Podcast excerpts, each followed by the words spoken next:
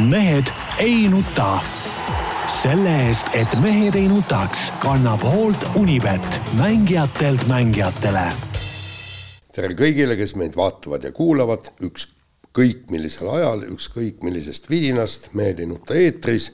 paraku on teisipäev ja kell on kaheksa null viis ja kaksteist sekundit. Tarmo Paju Delfist. tervist.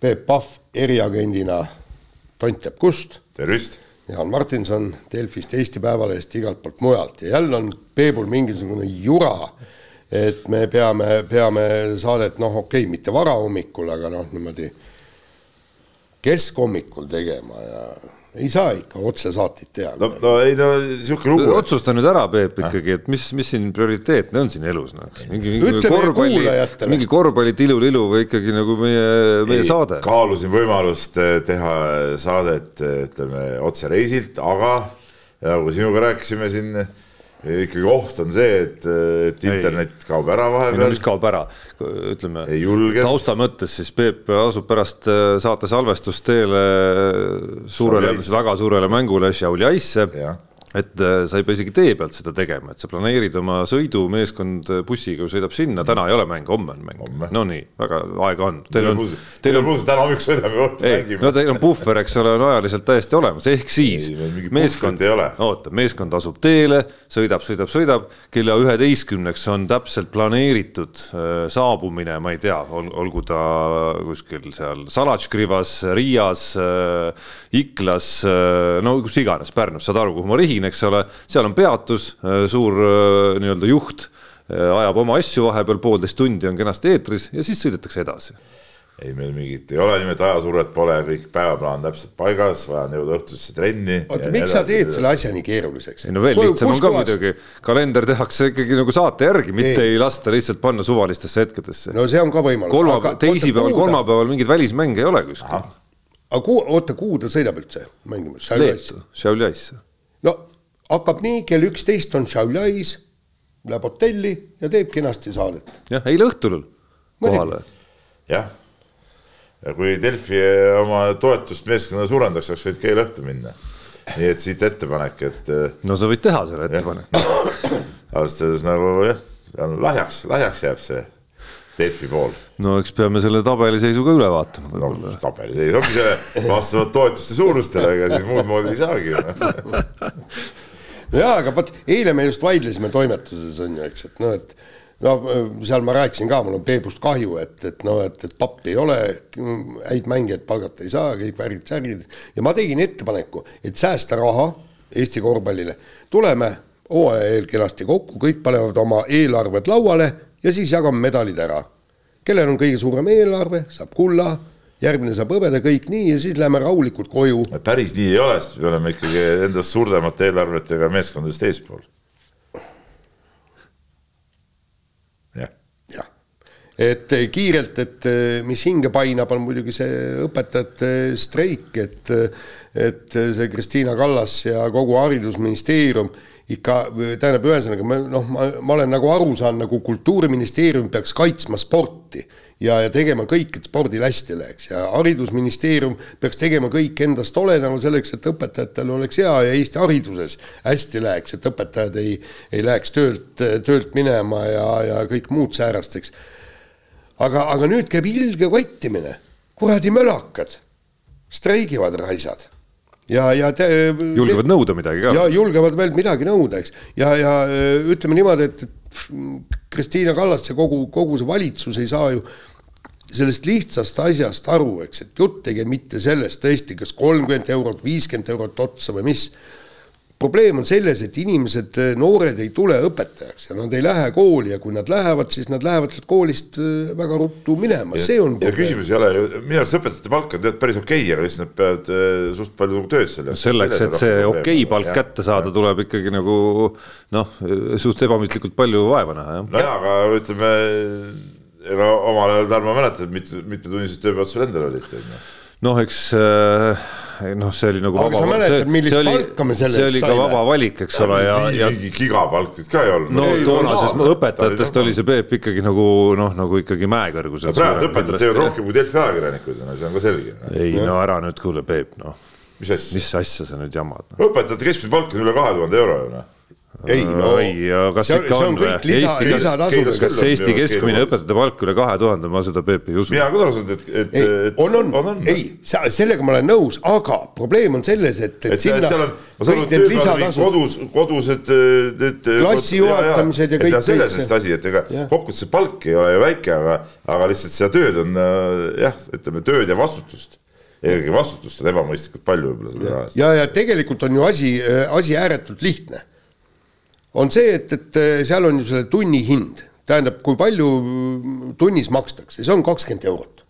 nii, koolis, no ta tuleb eh, niimoodi. sinu proua on ju vana kooli töötaja, tema sa tead täpselt. no absoluutselt nii ja nüüd ongi kõik õpetajad panevad rahulikult kõik oma töötunnid kirja.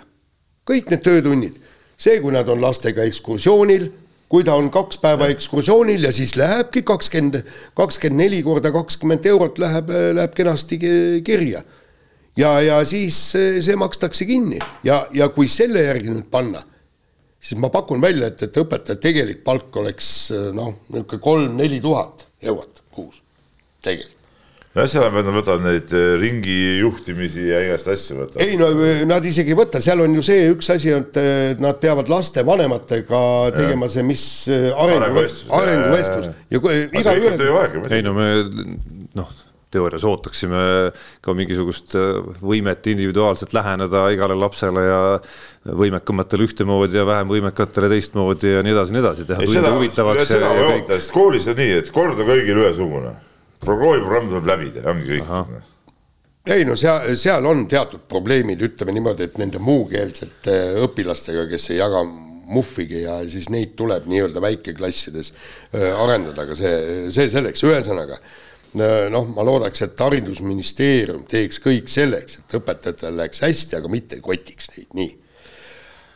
No ei no küsimus on ka iseenda nii-öelda lubaduste pidamises, noh muidugi asjaolud muutuvad, ajad muutuvad, seda ei ole kellelegi, kellegi tellitud nii-öelda siit on ju, aga, aga see on lihtsalt nii noh, see on selline valdkond, kus kui kuskil neid sõnu pidada, siis see on see koht, kus pidada ei no jaa, mingit sõda siia eesmärk, nagu põhjuseks tuua. ei no selles mõttes riigieelarvet mõjutab see terve protsendiga. kurat, sa oled ka selle Ah, Kaja ei no- Kallase mõtte ära hullu. ei no mis ei ole olemas siis seda või? no see on olemas küll, aga selle taha kõik. ei seda kulu ei ole ka olemas. ei no kulu on ka olemas, aga kõik No- selle taha peita nagu ei saa jah, et see on jõle mugav see tegelikult ei ole mugav, ei ole mugav selle taha pugeda. ei no seda ma räägingi, Peep, sulle, et äh, see kulu reaalselt on olemas ja see vajadus seda kulu teha on ka olemas. järelikult kuskil tuleb ka lõivu maksta, aga kui kuskil on koht, kus nii-öelda varem antud lubadusi pidada, siis minu arust haridus on see koht, seda ma üritasingi väita. jah, ja nagu ma olen kogu aeg rääkinud, selleks, et Eesti säiliks ja eestlased säiliks, on vaja kahte asja. eestlane peab olema haritud, eestlane peab olema terve, kõik, punkt. aga mulle väga meeldib muidugi, kui las räägivad natukest, et koolivaheaeg oli mõnus aeg ja pidanud hommiku kellaga võidu joostes äh, teatud kellaajaks äh, Preiliga kooli juurde jõudma, tead. eile hommikul kohe oli jälle sihuke ajasurve hommikul, mulle üldse ei meeldi see. noh. jah, no veel ägedam oleks, kui nagu enda nagu koolipõlve mõelda tagasi, kui see kuidagi oleks taliolümpia No see aasta veel, et mingid, mingid ägedad võistlused oleks samal Jah, ajal, et siis kui veel samale ajale satuks, vot see oleks nagu eriti hästi, et siis, siis ei pea mingit sahkermahkerit tegema, nagu mina üheksakümne teisel aastal, kui ma olümpiamängude eelõhtul haigeks jäin jutumärkides. kas mitte Brežnevi matused ei olnud sel ajal, kui laskus mm käis, ma käisin mingi sõbra juures äh, Soome, Soome televisioonist siis seda laskusülekannet vaatamas hoopis. Oota, see oli kaheksa, kaheksakümmend äkki kolm või neli või? Peast ei tea nüüd mehed siis noh. ja oli, oli. ei, ei minu arust, minu arust laskus mm oli, oli samal ajal, tead noh. vot ei no Meid ma ju- eeldan, et ei olnud kohane ikkagi leina ajal äh, mingisuguse nii-öelda meelelahutust sisuliselt nagu nautida. oli, nagu dissident ikkagi olid. hinges oli kõik ei no me seal tead, seisime eh, niimoodi samal ajal, ütleme leinaseisakuna ja siis telekast vaatasime samal ajal laskusõjatamist ei no see matus tuli, silmanurgast. ei see matus tuli ju kõik ära vaadata, ma olin, töötasin Ilmaris spordimetoodikuna, kõik, kõik töökollektiiv läks siis suur telekas oli sinna pandud ja siis kõik lasti see kolksuga sinna. kolksuga ja nii, kuule. nii, no Peep tuli, hüppas sisse siia, mis ta oli, seitse viiskümmend üheksa vist oli kell umbes no,, kaheksa oli kokku lepitud salvestusaeg ja no. ütles, et meil on jube kiire. peame kindlasti olema veerand kümme lõpetanud. nii et nüüd siis said ilusti Brežnevi ja kõige peale aega veel kulutada. no aga see, see ongi ju palju tähtsam kui see, mis siin, siin muu tilulilu, mis siin spordis toimub. no, no alustades liiga tilulilu ei ole isegi. jah, et ütleme niimoodi, kui eelmine, eelmine aasta võitis kogu Eesti tippsport ainult ühe Euroopa meistrivõistlustes pronksi, siis kohe esimene olümpiaalade tiitlivõistlus, mis sel aastal oli, ehk siis kiiruisutamise EM. ja siis kaks pronksi, sest Liiv võitis ise ka eelmine aasta. no olümpiaaladest. olümpiaaladest, okei, see ei olnud olümpia, ja, ja nüüd kohe pauguga viiesajas meetris hõbe ja, ja tegelikult no ma vaatasin nii tuhandet meetrit kui ka, kui ka viiesaja meetri Äh, sõitu, noh, ütleme niimoodi, et, et usku nagu seda, seda ei olnud, et ta viiesajas ja ta ise ju ütles ka. no Jaan oli meile valetanud jälle, Jaan oli kogu aeg rääkinud, et ei no Liiv on tuhande meetri mees. ei, aga seda no, Liiv ise ka. ei, mis ise ka, sina oled Liivi jälginud. eksperdi silmaga ja, ikkagi ja, oleks me... Äh, Liivist paremini pidanud aru saama. jah, no järelikult oleks pidanud jah. milles asi, jah? No selles ongi asi, et ei tunne, ei tunne ala, ala, jah. et tegelikult tuhandes oli tegelikult Liivist ääretult kahju, et see, ta oli kahte äh, hollandlast oli kogu hooaja võitnud korra kaks seal MK-etappidel kõik nii. Ja nüüd mitte midagi äh, või mitte norralast, hollandlast. ja Hollandi müür oli ees, kõik liiv neljas, on ju pika puuga kusjuures neljas, eks. Ta järgmine vend, mis kaotas mingi nelikümnendikku ja liiv ise ütles ka, et, et ta oli natuke imestunud, et ei läinud nii tihedaks see heitlus ja, ja, ja vend ütles noh, intervjuus rääkisime, vend oli ikka täiesti löödud ja kõik nii, eks ja siis järgmine, järgmine päev. Ja, ja paugutas, paugutas äh, kenasti selles viiesajas välja hõbeda, kusjuures jällegi, mis mulle Liivi puhul meeldib, et ta on aus mees. Ta ütles niimoodi, et, et minu eesmärk oli teha võimalikult hea sõit, mida ta tegi, ta ütles, see oli üsna perfektne, elu kiirem sada meetrit, elu parim kurv. ja vaatame, mis teised teevad ja vot seal oligi see, et teised ei teinud midagi ja tal oli ka natukene õnne, üks holland-, äh, hollandlane pandi esimesse paari ja Liiv ütles kohe, et esimeses paaris on väga kehv sõita. Ja, ja tema selja taga äh, konkurendid, äh, kaks viimast paari tegid vale stardi esmalt. Ja, ja kas see võtab mingisuguse kümnendiku sult ära. ja, ja, ja tegelikult kuigi ajavaru oli, eks ta pronks oli null koma kahe, null kaheksa sajandikku selja taga, aga järgmised mehed olid juba, juba noh, mitte valgusaasta kaugusel kaugusel. ja vot siis, kui Liiv nägu naeru täis, pisar silmas, võtab oma hõbedat vastu ja, ja ja mis mulle muidugi meeldib, ütleb, et no nii, mehed, hakkame nüüd siit minema. alguspunkt on hea, mott on kõrge, mm on tulemas no MM-il muidugi tulevad igast äh, päris äh, teravad, Aasia mehed on alati ameeriklased, ameeriklased. ja viiesajas, viiesajas ei, aga tuhandes. viiesajas, kui, kui sa võtad eelmise MM-i tulemused, siis äh, seal, seal oli ikka väga, siis väga nii-öelda või seda sa üritasidki öelda, et seal, seal ja. oli väga kirju seltskond veel ees. on, ei absoluutselt, seal on, aga, aga me räägime nüüd tuhandest ja kindlasti ta panustab, ta ikka ütleb järjepidevalt, tuhat on tema, tema võistlusmaa ja kui ta suudaks ühest-kahest hollandlasest eespool olla, eks, siis eh, sealt hakkaks medal koitma. seal on see ameeriklane, eh, see noor poiss, see on kindlasti kõva, aga, aga rohkem ma nagu, ma arvan, et, et medalite peale läheb öö, eh, Liiv võitlema küll. ja kusjuures, eile hakkasin mõtlema, tegelikult on see absurdne, mingi suvaline poiss Adaverest. no nüüd näeb see, nüüd näeb see kuidagi nagu veel noh, olümpialamedal on ikkagi olümpialamedal tiitlivõistlusel, et nüüd näeb see juba nagu veel äge, no see lugu näeb nagu aina ägedam välja, et kui äh, ma saan aru isegi noh, ütleme, võta Ants Hansson, Eesti spordi selline nagu suurkuju, okei okay,, tänu noh, ta olümpia andis sellesse hästi suure panuse, aga siiski faktiks jääb, et Euroopa meistrivõistlustelt on tal ka üks medal läbi aegade ainult ette näidata, ehk et Martin Liiv nagu selles arvestuses on juba nagu samal pulgal. okei okay,, ajad on erinevad, ma ei tea täpselt, kui tihti seal EM-id ja, ja muud tiitlivõistlused toimusid, aga, aga, aga kuskilt nii-öelda tänase, tänase kiiruisutamise mõistes, mis toimuvad suurtel ovaalidel ja ikkagi mingites väga peentes eh, tingimustes, kusagilt sealt Adavere lörtsisajust eh, tulema hakata, no see on ikka müstika tegelikult. jaa, aga no eks kõik on tulnud või noh, paljud on tulnud kuskilt suvalistest kohtadest, noh, ega siis äh, Adaver Adavereks, noh, võib-olla me ei tea, kust need Hollandi poisid pärit on, võib-olla ka mingist väiksest küladest, kus pole jääovaali parajasti, eks ole, noh, mis on siis nii aga, aga noh, kõva asi muidugi, see iseenesest oma olemuselt on see kõva asi, et see Väino Treimani-sugune mees on üldse seal selle asja püsti pannud ja et see ala meil üldse on olemas, see on nagu, see on nagu minu jaoks kõva asi. ja see, see, see näitab jälle, noh, mul on oma teooria, eks, et, et meil on maailmameistreid ja olümpiavõitjaid on, on kogu Eesti täis, noh. et ainukene asi, et nad ei jõua õige ala juurde ja kui poleks olnud Väino Treimani Liiv oleks võib-olla ratast hakanud sõitma, ei tea, kuidas tal oleks, seal on võib-olla jalgpalli mängima, mingi muu alaga. ei no, ei, ei no siin on natuke ikka see asi ka, mõelge loogiliselt. kas te tahate nüüd ütelda, et selles väikses Adaveres sünnivad just eriti andekad uisutajad, ei, ei ole nii tegelikult. seal on üks andekas uisutaja ja tema sattus kiiruisutamise juurde. päris nii ei ole, et üks või? ei no tippandekas, neid oli ju terve posu, kes üritasid ja, seal. no ongi, aga aga see oleneb ikka see, et lihtsalt, et mis sa, Liiv oleks võib, võib-olla, aga me seda ei tea kunagi. Liiv võiks olla, kui ütleme, Adaveres oleks harrastanud mõnda teist sihukest äh, spordiala, võib-olla ta oleks seal ka olnud äh, väga kõvane ja, ja, ja näiteks seal oli. olemuselt sarnane ala ja, näiteks no,, võtame... sama rattasõit näiteks nagu. ja, no ja, nii, aga võtame jällegi Kangert ja Taaramäe, eks, kaks vänderpoissi ja seal juhtus fanaatiline no,.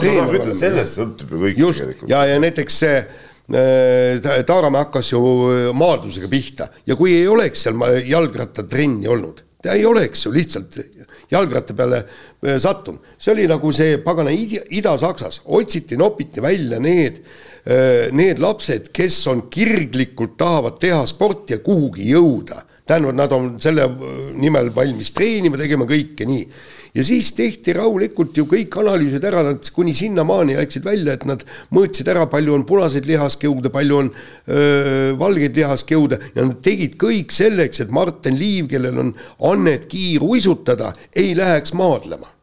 ja seal tehti ja lihtsalt soovitati, et vaata, maadluses või, või seal jalgpallis või mis iganes, sul ei õnnestu kuhugi jõuda, aga vot sinu alad oleks need jalgratas, kiiruistatud. ja see ja, ja kui meie suudaks ka niimoodi teha aga noh, selle teist, teistpidi seesama jutt ja seesama näide on see hea tõestus selle kohta, kuidas nii-öelda andekuse esimene kriteerium on see noh, kuidas öelda, tahe siis või selline nagu sellised nagu isikuomadused ja, ja vaimsed omadused, mitte võib-olla see lihaskiud, et see noh si, siis hakkame vaatama, võrdlema neid lihaskiude. ei, ei, ei, seda ma ütlen, kõigepealt tuleb valida välja need potentsiaalsed, kellel on vaimsed ja füüsilised eeldused ja kellel on tahtejõud ja tegelikult on see, tegelikult on see asi on ju töö tegemises et, rääksin... et sellistel, kellel ei ole seda tahet, nende lihaskiude pole mõtet vaatama minna. absoluutselt, muidugi nii, ja, ja seal oli, ma rääkisin tal elukaaslase Eva-Lotte Kiibusega ja, ja täitsa hull vend. et teeb nihukest trenni, ta on nii keskendunud, nii pühendunud ja Liiv ise ütles ka, eks ma küsisin, et noh, et kuidas valmistud, ta ütles suvest peale hakkas valmistuma EM-iks, sest igal aastal ei ole ju üksikalade EM-i. ta ütles suvest peale hakkasin äh,, hakkasin treenima, hakkasin valmistama. nüüd on äh, jälle, ütles äh, kaks päeva on jääl, põrutab Hispaaniasse laagrisse seal elab nii-öelda alpitoas elab, tuleb tagasi paar päeva veel ja siis põrutab Ameerikasse, ma küsisin, kas Evalotaga ka kokku saad. ütles, pole midagi teha, ei ole aega. mm on tulemas. No. saate aru? no,, prioriteedid on paigas, noh. Et, et, et, et, et see on tegelikult see, mis eduni viib. Ja olete näinud neid kiirusetrenne, vaata, kui nad selle mingi laua, laua peal nühivad no kuule. nürituslippidest. kas nürimat asja üldse olemas on? selle kõrval on see meie enda noh, eriti kunagistest, kunagistest suusaässadest noh, kellest mõni on tänaseks natuke muu varjundiga, aga noh, need nii-öelda tõusuvõtu mingisugused imitatsioonid ja asjad näevad isegi päris meelelahutuslikud välja võrreldes selle uisuharjutusega ausalt öeldes no ma tean veel nürimat ala, ma tegin just eelmine nädal intervjuu Henri Heinaga, rääkisime ujumisest, mis on nagu olemuslikult trenni mõttes veel, veel nürim nagu, et nojah, sa oled veel nagu seal ei no seal on see, näed, näed ainult seda paganama basseini põhja ba,. basseini triipu näed, eks, sellisel ujujätel on parem, seal on võib-olla mõni linn lendab kuskil see katusse kohal ja. jah, suvel avavee ujulates kuskil näeb taevast isegi. kui ma küsisin ka Henri käest, et mis, mille peale te mõtlete, mis te teete, ta ütles, et jah, ta ei mäleta, kui ta ise ujus, et ta ei mäleta, mida ta väga mõtles, aga noh mõni laulab seal ja mõni seal teeb mingi sama, mingi mõtleb, et, et treener küll loodab, et nad mõtlevad tehnika peale, aga päris nii see ei ole tegelikult. Ei no jaa, aga, aga, aga tähendab sellest rutiinist läbi murda ja jõuda medaliteni et ei, ei no sa pead nautima, sa pead, ei no sa pead nautima seda, selles no, mõttes see, see, sa naudidki seda, kuni seda monotoonsuseni välja ja selle valuni, mis sa, mille sa justkui nagu seljatad, on ju, noh, nii nagu me siin lihtsate inimestega naudime võib-olla mingisuguseid natukene noh, lihtsama pingutusega tekitavaid piinu vahel, noh, mõni, ma ei tea, külmas vees käimist või, või mõni isegi oma suusaringil mingisugust ja nii edasi, nii edasi.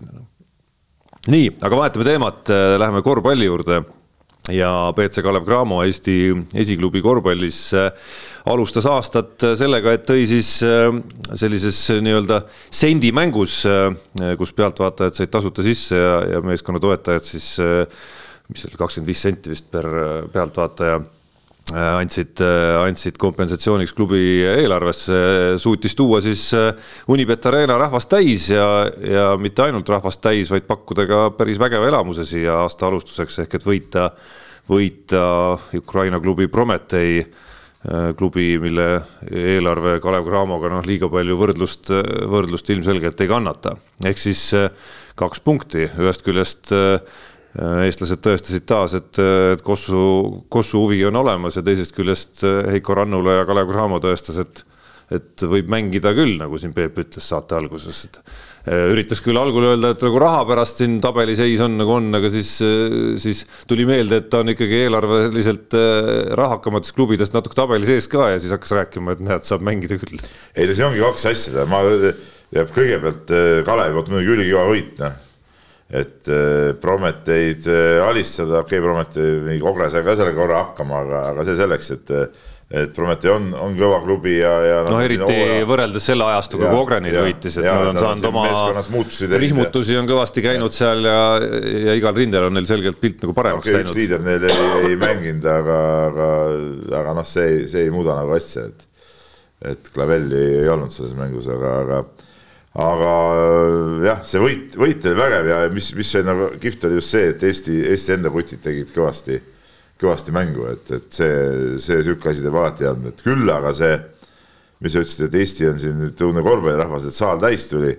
mul on kohe see küsimus, et aga, aga miks siis nagu kuus tuhat inimest saali ei tule, kui kui on äh, piletiga mäng, et miks ainult ilma piletita tuleb? no kevadel tuldi, eelmine kevad, kui nii-öelda eurosarjas läks äh, asjaks no,, eks ole, Tondiraba toodi täis, eks. aga praegu noh, selle järgi ütelda, noh, minu arust siukest Kalevi, kui, kui Kalev mängib äh, selliseid mänge siin, noh, Prometeiga, okei okay,, need eurosarjas seast kukkusid välja, aga minu arust võiks alati see saal niimoodi täis olla ja oleks täitsa, täitsa loomulik, siis me saaks ennast võrrelda siin nii-öelda korvpallirahvaga siin Leeduga näiteks, et, et äh, kui, et kui kogu aeg oleks, oleks saal niimoodi rahvast täis ja minu arust olekski täiesti teenitud, kui, kui mängivad mingit kõva, kõva eurovärki ja, ja, ja, ja, ja nii ongi, eks ole, aga aga noh, mis siin mängisid Kalev Vällis vist, kui oli see, kui olid need euromängud, et. no VEF-iga mängisid ka Kalev Vällis, eks näiteks. noh, teine nii-öelda potentsiaalne suur mäng Kalev Cramo jaoks siis kohalikus liigas. mis, mis võiks nagu täis tuua, et noh tegelikult oleks jumala äge, kui, kui siuksed mängud tuleks alati Suurhalli või, või Tondiraba halli puupüssi täis, et, et selles suhtes, et noh, see tasuta piletiga suurt rahvamassi ma nagu, nagu nüüd korvpallirahva mingiks aluseks ei too, aga, aga võit ise nagu ülikõva. ja no mida ütleme, kiitma peab selle selle, selles osas jah, on kindlasti see üritus ise ja, ja., ja see, mida siin noh, kuidas klubi otsib siis erinevaid mooduseid ja tegelikult peab vist rääkima mitmuses ikkagi, et klubiid aina rohkem otsivad no, ja see. ja, et, et see pealtvaatajate Äh, kõnetamine, mis iganes moodustel erinevad. Pärnu tegigi, meie mängus oli see esimene, üldse see sendimäng, aga Pärnu saal oli tookord täis. just, et mis iganes moodustega nende kõnetamine ja haaramine nende silmapaaridega, kes siis kuidagi satuks sellesse inforuumi ja noh, näeks, et äge värk ja tuleb järgmine kord jälle. ja võib-olla annab rohkem põhjust äh, neid mänge suurde saali ka viia, et, et ma noh, seda tuleb nagu ainult kiita, et, et ma siin üks üsna äh, lähedane allikas äh, nooremast põlvkonnast näiteks rääkis mulle kiit-, väga kiitvaid sõnu selle osas, mida Kalev Cramo oma sotsiaalmeedias teeb, kõnetades siis noh, kuni siis teismelisteni välja põhimõtteliselt, et et siin inimesed ja noored, kes võib-olla polegi muidu mingisugused padukossu fännid, märkasid seda ja, ja võtsid võtsid jutuks, et kuule, lähme mängu vaatama, eks ole, ja niimoodi jõudis sinna nii noori kui ka siin sinna Aruküla mingeid neid minu vanuseid ja vanemaid lademetesse. nojah, vot see, see teeb teistpidi natuke kurvaks ka. kurvaks teeb just see, et, et sa pead nagu mingisuguste muude asjadega seda rahvast sinna meelitama, et kas omal ajal käisime Kalevit niidukatel vaatamas, polnud mingit sotsiaalmeediat ja Kalev välja oli puupüssi täis, eks ole. ole, ole vait nüüd. omal ajal polnud sul muud validagi mitte midagi. valida, igast asju. kuhu sa said veel Kule, minna siis? mis minna, no mis igale poole võisid minna, aga ma pidin tulema hommikul sõitma rongiga äh, spordihalli kassasse piletisabasse, et piletit saada, tead. Ja siis istusid seal kuskil seal, seal äh, trepi peal, eks ole et siis oli nagu tõeline see spordihuvi, aga nüüd peab mingisuguse kuradi tiluliluga seda rahvast sinna kokku meelitama, vot see on nagu jura, mingis sotsiaalmeedias mingeid, ma ei tea, imeasju tegema, et, et mingisugused äh, poisikesed tuleksid siis vaatama, no mis asja. no aga ära tee siis. sa oled kossuvend või oled? ära tee siis, aga mis sa seal Keilas teed neid asju? no ma räägin sulle ja see teebki kurvaks, et siukeste asjadega pead tegelema üldse.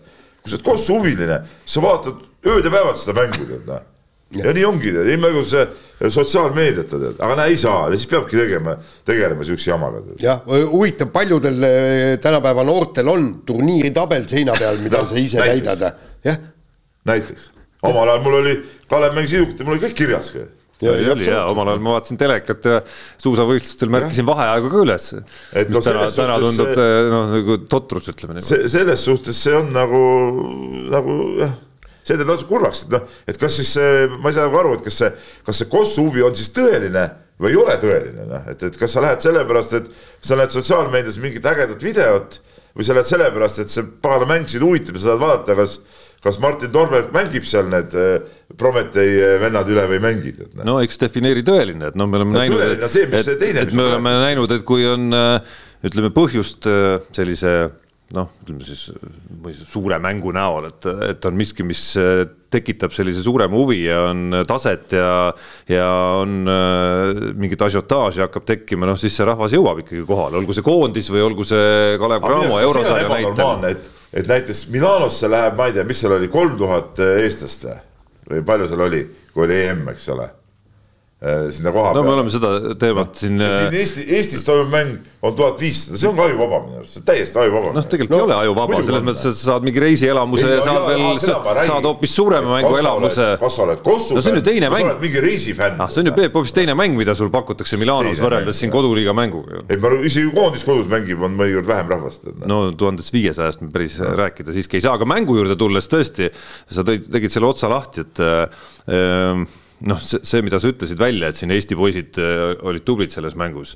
noh, see tei-, selle võrrandi teine pool on ju see, et äh, BC Kalev Cramo on siis äh, koduliiga liider, ainuliider hetkel, võitnud vähemalt kodus nii VEF-i kui Prometeid ja teinud seda olukorras, kus no olgem nüüd, vaadakem tõele näkku, ega neil kui sa nüüd Kovliari välja arvad, kes, välja arvad, kes hooaja käigus lahkus ja nagu näha, taset oli nii palju, et ka Hispaania liigas väga hästi juba hakkama saada ja suhteliselt kiiresti hakata seal väga hästi hakkama saada, saama, et siis, siis selle legionäride poolega ju liiga hästi läinud ei ole Kalev Cramol sellel hooajal.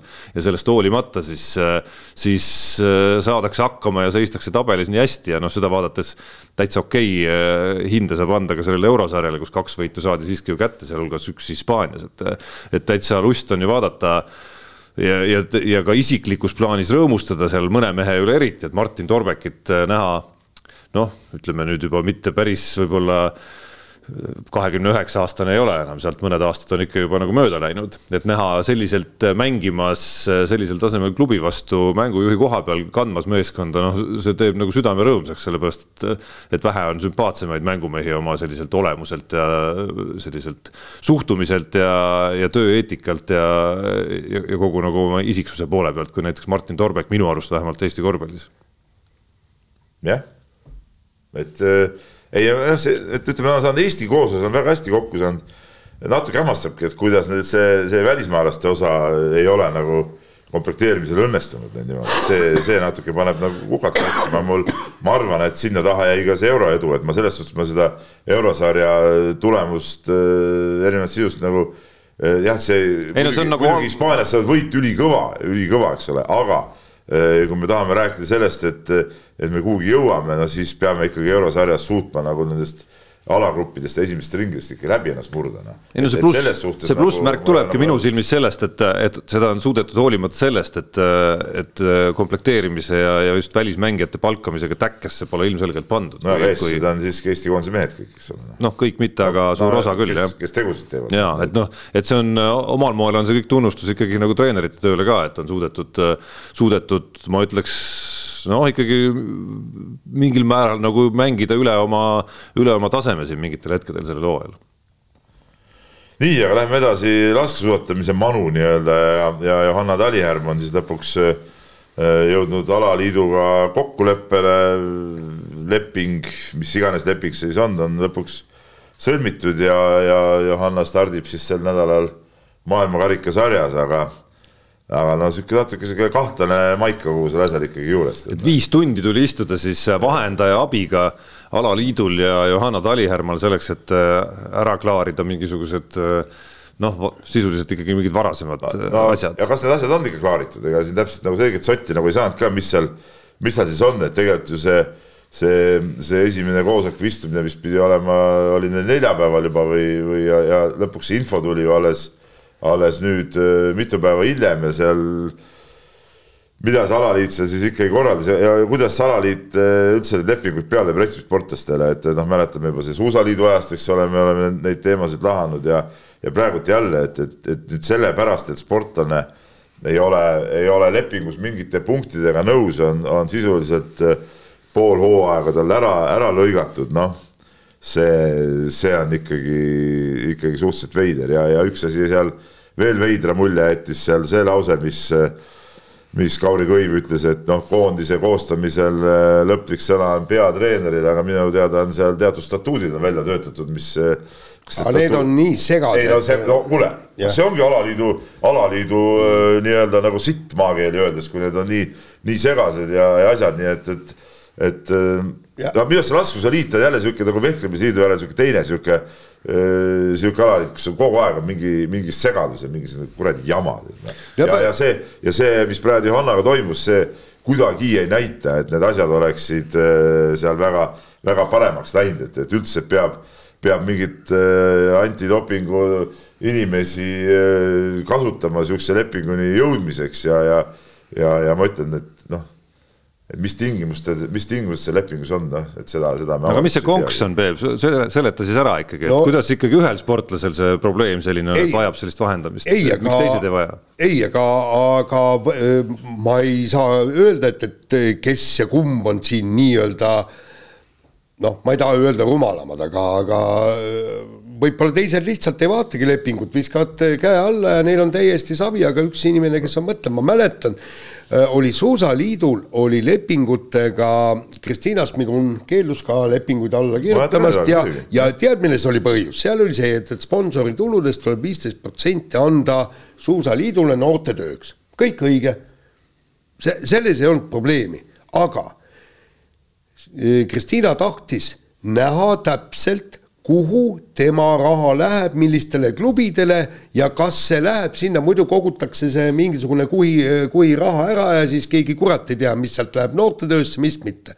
ja tema sellepärast ta ei kirjutanudki alla, ütles palun näidake mulle, lepime kokku, jah, minu raha läheb vot sinna, sinna, sinna, sinna. et ta saaks teada ja, ja kas keegi julgeb öelda, et ta vaidles vale asja vastu, ei.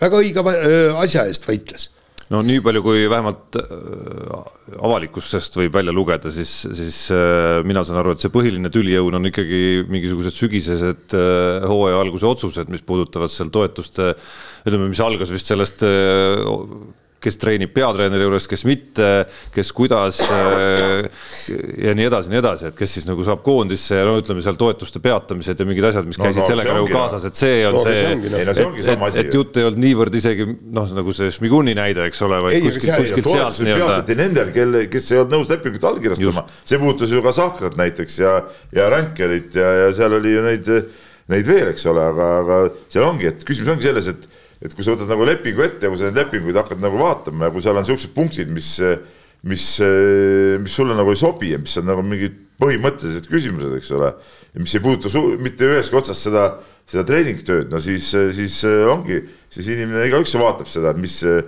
kas tasub alla kirjutada või ei tasu ja, ja minu arust alaliit ei, tohiks selliste selliste asjade nagu sportlasi survestada, mis puudutab ka kõiki igast neid toetusi, siin on ju ka see see eh, EOK toetuse, eks ole, andmine, mitteandmine kätte ja, ja noh see on, see on jama. aga no ma ütlen, raske on öelda, kui ei ole neid punkte täpselt näinud ja, ja aru saanud, mis punktide üle täpselt siis see protest käis, et kas see oli tähenärimine ja pilli lõhki ajamine või, või, või on see, on need tõesti sisulised, et. ei no vaata, tähenärimine siis, kui ta oleks mingisugune tähenärimine pilli lõhki panemine, selleks ei ole vaja viit tundi maa, maas istuda. oi, miks ei ole, kuule, kui sa lugesid seda artiklit, kuhu ma oleks tahtnud selle jutu viia ka seal seesama Eesti Antidopingu ja Spordieetika Sihtasutuse äh, juhtiv uurija Remo Perli, kes siis kommenteeris seda lugu siin äh, eile ja selle lahendust, rääkis siiski seal ju no mul jäi natuke suu lahti, et kui tihti on vaja nende abi selleks, et mingisuguseid tülisid Eesti spordis lahendada, see ausalt öeldes ma ei teadnud, et seal on selline organ üldse, kes tegeleb selliste noh, et sa saad kutsuda nagu vahendajaks ja, ja, et, et ta nii aktiivses kasutuses ka veel on. see näitab ikka, et eh, eestlastel läbisaamisega ilmselgelt ei ole liiga hästi. ei, mis selle asi ei ole läbisaamises, Tarmo, asi on ju selles, et põhimõtteliselt sul asjad peavad olema ju, ju korras. ei no läbisaamine, me toome selle oma vehklemisliidu kasvõi siia näite, no ilmselgelt on, on asi ka läbisaamises lihtsalt inimeste vahel. no seda ka. enamasti ma arvan, lahendatakse seal milles... asju, mida inimesed, kes saavad hästi omavahel läbi, suudaksid lahendada ka ilma vahendajata. aga millest tuleb, ütleme, halb läbisaamine, tulebki asjade erinevas äh, nägemuses, noh asjade kohta. no tuleb ka isiksuste erinevuses ja, ja kõiges selles ikkagi. aga muidugi saaga jätkub, olete Õhtulehte lugenud tänast või? et seal oli, kes see oli, Kaasik äh, see ja, uus no, see neljas Kaasik jah, ja see oli nüüd solvunud, et ühesõnaga, et tema ei saa nüüd järgmisel etapil osaleda, peab minema Ibu karikale, et, et et see talihärm tuleb tema asemele, kõik niimoodi. no come on, halloo, kui, kui lihtsalt peatreener nii ütleb ja et asjad nii on. ei no siin, asjad... no siin näitavad, siin paneb tulemused ju panevad asjad paika väga lihtsalt. jaa, aga seal ta üritaski näidata, et tema tulemused on paremad, eks. ja millest paremad? Ta, äh, Talihärma sta, statuudi järgi. ma ei ole õhtule lugu näinud, aga. mina saan aru, et see, mis Talihärm jõudis ka Sibu karikal või näidata. ühe korra käis. ja, et see oli siiski piisav, et praegu ja. treeneril võiks olla tunne, et, et seekord peaks Talijärvele selle võimaluse andma ja, ja siis on väga lihtne juba hakata võrdlema nende tulemusi omavahel. see on ju suht loogiline, et Talijärvele tuleb see võimalus praegu anda jaa, aga, aga see. tegelikult, olgem ausad, tegelikult ta on ju ebaõiglase jura tõttu nagu pool hooaega on ta ära varastatud tegelikult. ja teine asi on see, et, et kuulge, ei saa ju niimoodi seal koondise sees äh, Äh, äh, Hanna-Brita ütles ka, et, et meil on praegu ühtne koondis ja nüüd tuleb siis umbes nii, et, et Talihärm tuleb, hakkab seda ära lõhkuma ja kõik mingi niisugune, kuule, come on. Te ei saa koondise sees ja veel ajakirjanduse ees niisugusi hakata rääkima, et miks tema tuleb minu asemele sinna kuradi MK-sarja. ei no päris nii ei saa muidugi, kokkuvõttes nendele... konkurentsi küsimust on. Noh. jah, et äh, ja, ja isegi ma... kui seal, isegi kui seal pinged on olemas, siis, siis nõuanne no, nõuanne, ma arvan ka Kauri Koivule järgmine on, et, et seal tasuks ka natukene nagu ühest küljest on noh, ühest küljest on tore muidugi, et, et nad räägivad välja kõik, mis hinge peal on, aga teisest küljest natuke meediakoolitust võib-olla paha ei teeks. noh, ütleme siis nendele endale siis. no sa tead ise ju, kuidas ajakirjanikud selle info välja õngitsevad. ei no mis reaalselt Kaasik on need laused öelnud, et ega, ega neid ajakirjanik välja ei ole mõelnud. Anna-Brita Kaasik on suht kogenematu sportlane ka, et ütleme tema, tema käest need laused võivad ka kergemini tulla mõnikord. nii, aga võtame järgmise teema ja räägime jalgpallist ja viimased kolm hooaega äh, Floras mänginud Eesti koondise kaitsja Ken Kallaste sõlmis lep-, lepingu FCI Levadiaga ja siis hakkas möll pihta, et kuidas niimoodi, et sa lähed konkurendi rivvi ja hakkad seal meie vastu ja kuidas on imelik on teda nüüd Levadia särgis näha, kuigi kas need ei ole mõlemad rohelised särgid, teine noh. kuule, mis, mis kuradi jutt see Eesti jalgpallist me räägime, see on sama hea kui kui äh, Vasalemma Spartakist läheb keegi Rummu Dünamosse, tead noh. Levadia, Flora, no see on ju, see on ju mingi huumor ja see ei ole ju, tase on ju null. kui me räägime siin, ma ei tea, äh, Kossus siin, et üks läheb Belgradi partisanist Venas Vestasse või, või Panathinaikost olümpiaakosse, mida on ka tehtud ja mida on nagu eh, või, või, või Barcelonast Reali või mingid siuksed asjad. seal ma saan aru, et on sul fännide pahameel ja. no see Barca Real isegi viimasel ajal enam nagu enam pole nii, isegi nii, nii suur nii, teema, ma vaatan, kuidas Kossus, okei okay,, jalkas võib-olla on suurem, aga kuidas Kossus siin Laprovitoled ja mehed on ja. läinud vastu, nii-öelda see oli üks suvi, kus mindi nii-öelda risti paar venda. aga üritada Eesti jalgpalli nii suureks mängida, et siin oi-oi läks Florast Levadiasse, tulge maa peale. ma saan aru, et siin oli väikene äh,, ma vaatasin täna hommikul järele selle isegi sellise toreda FC Levadia sotsmeedia postituse Peebu äh, lemmikvärk on see, kõik toimub ju sotsiaalmeedias, et mis, mis see video oli tehtud siis, kui see Kallaste uudis siis nagu välja seal äh, öeldi, et see, ma soovitan vaadata, minu arust tuleb kiita lihtsalt Levadia, kes iganes äh, nende videote eest hoolitseb ja täitsa, täitsa tore oli, ei olnud seal no mingi väike Flora suunaline selline nagu äh, väike nagu udimine oli ka võib-olla sees, aga noh, see, selle üle tuleb ainult rõõmus olla, et keegi vähemalt hoolitseb, et siin natukenegi mingisugust intriigi oleks, eks ole, et noh, selles mõttes võib ka rõõmustada, et äh, leidus neid äh, Neid, kes siis nagu ärritusid selle peale kuskil Flora, mis see viies sektor on siis isegi nimeks pandud endale sellisele, sellisele fännkonnale. nojah, aga noh, see ei ole päris, no kuule et noh, see. see aasta Kossus läks ka Kristjan Kitsikast Kalevist otse Tartusse. et see on nagu mängu osa, ütleme siis natukene, et väga hea, et keegi, et keegi nagu närvi ka läks selle peale, et siis nad täitsid ka oma rolli ära, aga, aga sisuliselt, kui sa nüüd mõtled, tood Eesti konteksti sellise Äh, terbiliku mingisuguse sellise Cervena Zvezda partisani tüüpi rivaliteedi, noh et alustame sellest, et Ken Kallaste heideti äh, Flora enda poolt üle parda siiski alustuseks, et see oli ju klubipoolne initsiatiiv, et Ken Kallastega mitte jätkata, mitte Ken Kallaste otsus või Levadia otsus, et ma meelitan nüüd Ken Kallaste üle endale. et alustame sealt ja siis hakkad mõtlema, et äh, mis variandid siis on Eesti taseme, ütleme siis Eesti koondise tasemel mängijal, nagu on Ken Kallaste, mängida sarnastel palgatingimustel sarnasel tasemel meeskonnas edasi oma karjääris no,, kus, kus oma karjääris, kus ta on siis ütleme vanuses ka juba kas kolmkümmend viis või mis ta on. Et no, noh, ongi. Nii. No, kas Kalju, kui ma ei ole kindel, kas Kalju enam isegi on, eks ole, et siin Kalju värbab siin viimasel ajal ikkagi rohkem nooremaid mängijaid juba, et siis ongi Paide ja Levadia ainult jäänud. Ja, ja kui siis äh, Paide ei taha näiteks või pakkumist ei tee, äh, Levadiasse ma jumala eest ma ei tohi minna, fännid pahandavad, et siis äh, lõpetan karjääri ära, lähen tootvale tööle, kuigi ma tegelikult võiksin ei, mängida veel, et see on siis fännide nõue siis nagu, et selle asemel, et minna klubi ukse taha näiteks, et miks te Ken Kallast üle, üle parda heitsite, suunata see mängija vastu tundub mulle ausalt öeldes mängija suhtes väga ebaõige ebaõiglane. jaa, aga nii ta ongi.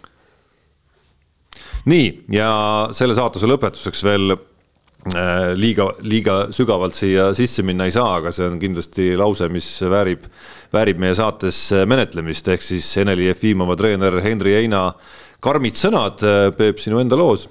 Eestis pole tippspordiks tingimusi no jutt käis nagu ujumisest, ujumises kindlasti pole tippspordis tingimusi, sest no. et ei ole, aga no kui me vaatame laiemalt, aga no, nagu võtame, võtame kitsama konteksti, siis nad tõi seal välja ka näited, kuidas, kui käivad Hollandis, kuidas äh, igat liigutust andurid mõõdavad ja kaamerad on siin ja telekad on basseini ääres. ei no alustame viiekümne meetri basseinist üldse, kus kõrval ei ole Soome pensionärid või Eesti pensionärid või ma ei tea isegi kasvõi, ma ise ei käi, aga noh, minusugused äh, suplejad seal. ja, ja siis siin, siin on see asi kuidagi ikkagi nagu lapse, lapse kingades, et, et see on kindlasti noh, ei olegi, ei olegi selliseid tingimusi. jaa, aga no,. jutt, jutt käis sellest nii-öelda profitiimist, ma ütlesin talle ka, et no aga kui sa nii kaua olnud, et noh, profitiim võiks, loo ise see profitiim ja tee siia, no siis tuligi see jutt, et noh, et ei ole nagu võimalik. ja aga, aga tege-, tegelikult see ongi ja, ja, ja kui me vaatame, eks me, kas meil üldse on, ütleme niimoodi, individuaalspordiala, kus meil oleks tõesti kõik vajalikud tingimused öö,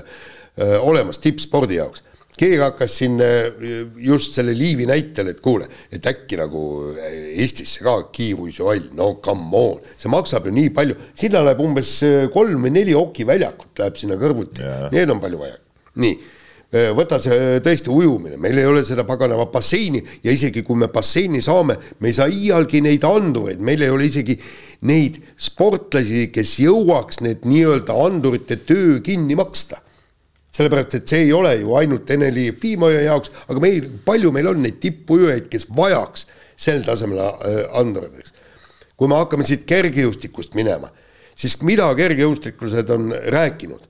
Neil on seal niimoodi, et, et siin on staadion ja kõrval on suur spordihall taastumise jaoks. seal on absoluutselt kõik on, kõik on olemas, kõik kuni jäävannideni, värkideni, särkideni, kõik on mingisugused äh, lihase väristajad ja kõik muud nii, niisugused asjad. meil ei ole seda. meil ei ole isegi kergejõustikus ei ole maailma tasemel tingimusi.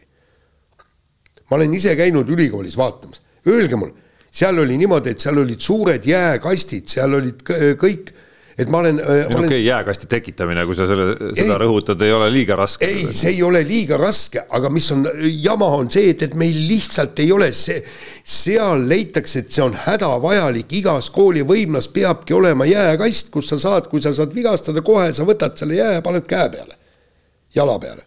aga meil ei ole isegi seda seda kõige väiksemat ja minimaalset no,.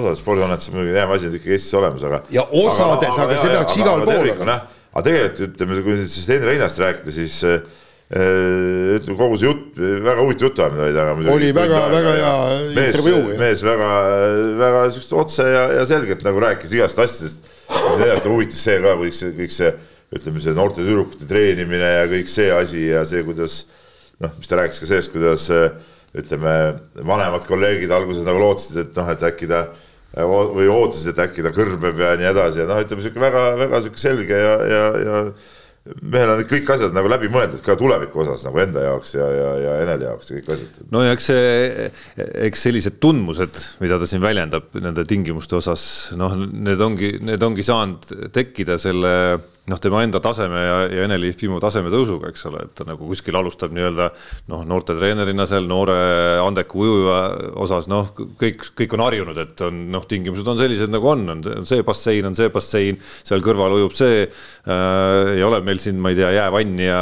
andureid ja nii edasi, on ju. aga siis sa ühel hetkel oled maailmas medali pretendent ja, ja noh, võidadki medaleid juba ja siis sa saad aru, käid laagrites ja näed, mismoodi siis su konkurendid äh, oma asju ajavad, eks. ja noh, ma kujutan kujutan ette, et noh, samamoodi tunnevad ühel hetkel mis iganes treenerid või, või sportlased, kes siin, kes siin nagu murravad mingist tasemest nagu läbi, on ju. noh, pakun, et Heiko Rannulal, me oleme maininud teda siin samamoodi, tekib mingil hetkel nii värbamisprotseduure, eelarveid ja kõike vaadates see tunne, et ah, noh ja, ja läheks kuskil Rumeeniasse kasvõi mul oleks, ma ei tea, keskmiku juures kaks korda suurem eelarve. Ja valida, valida hoopis teistsuguste mängija tüüpide vahel juba natukene ja, seda ja üks asi on ju veel, see Hein väga otse ütles välja, et tema läheb siit äh, Eestist minema sellepärast, et ta tahab äh, tegeleda tippudega ja tippspordiga.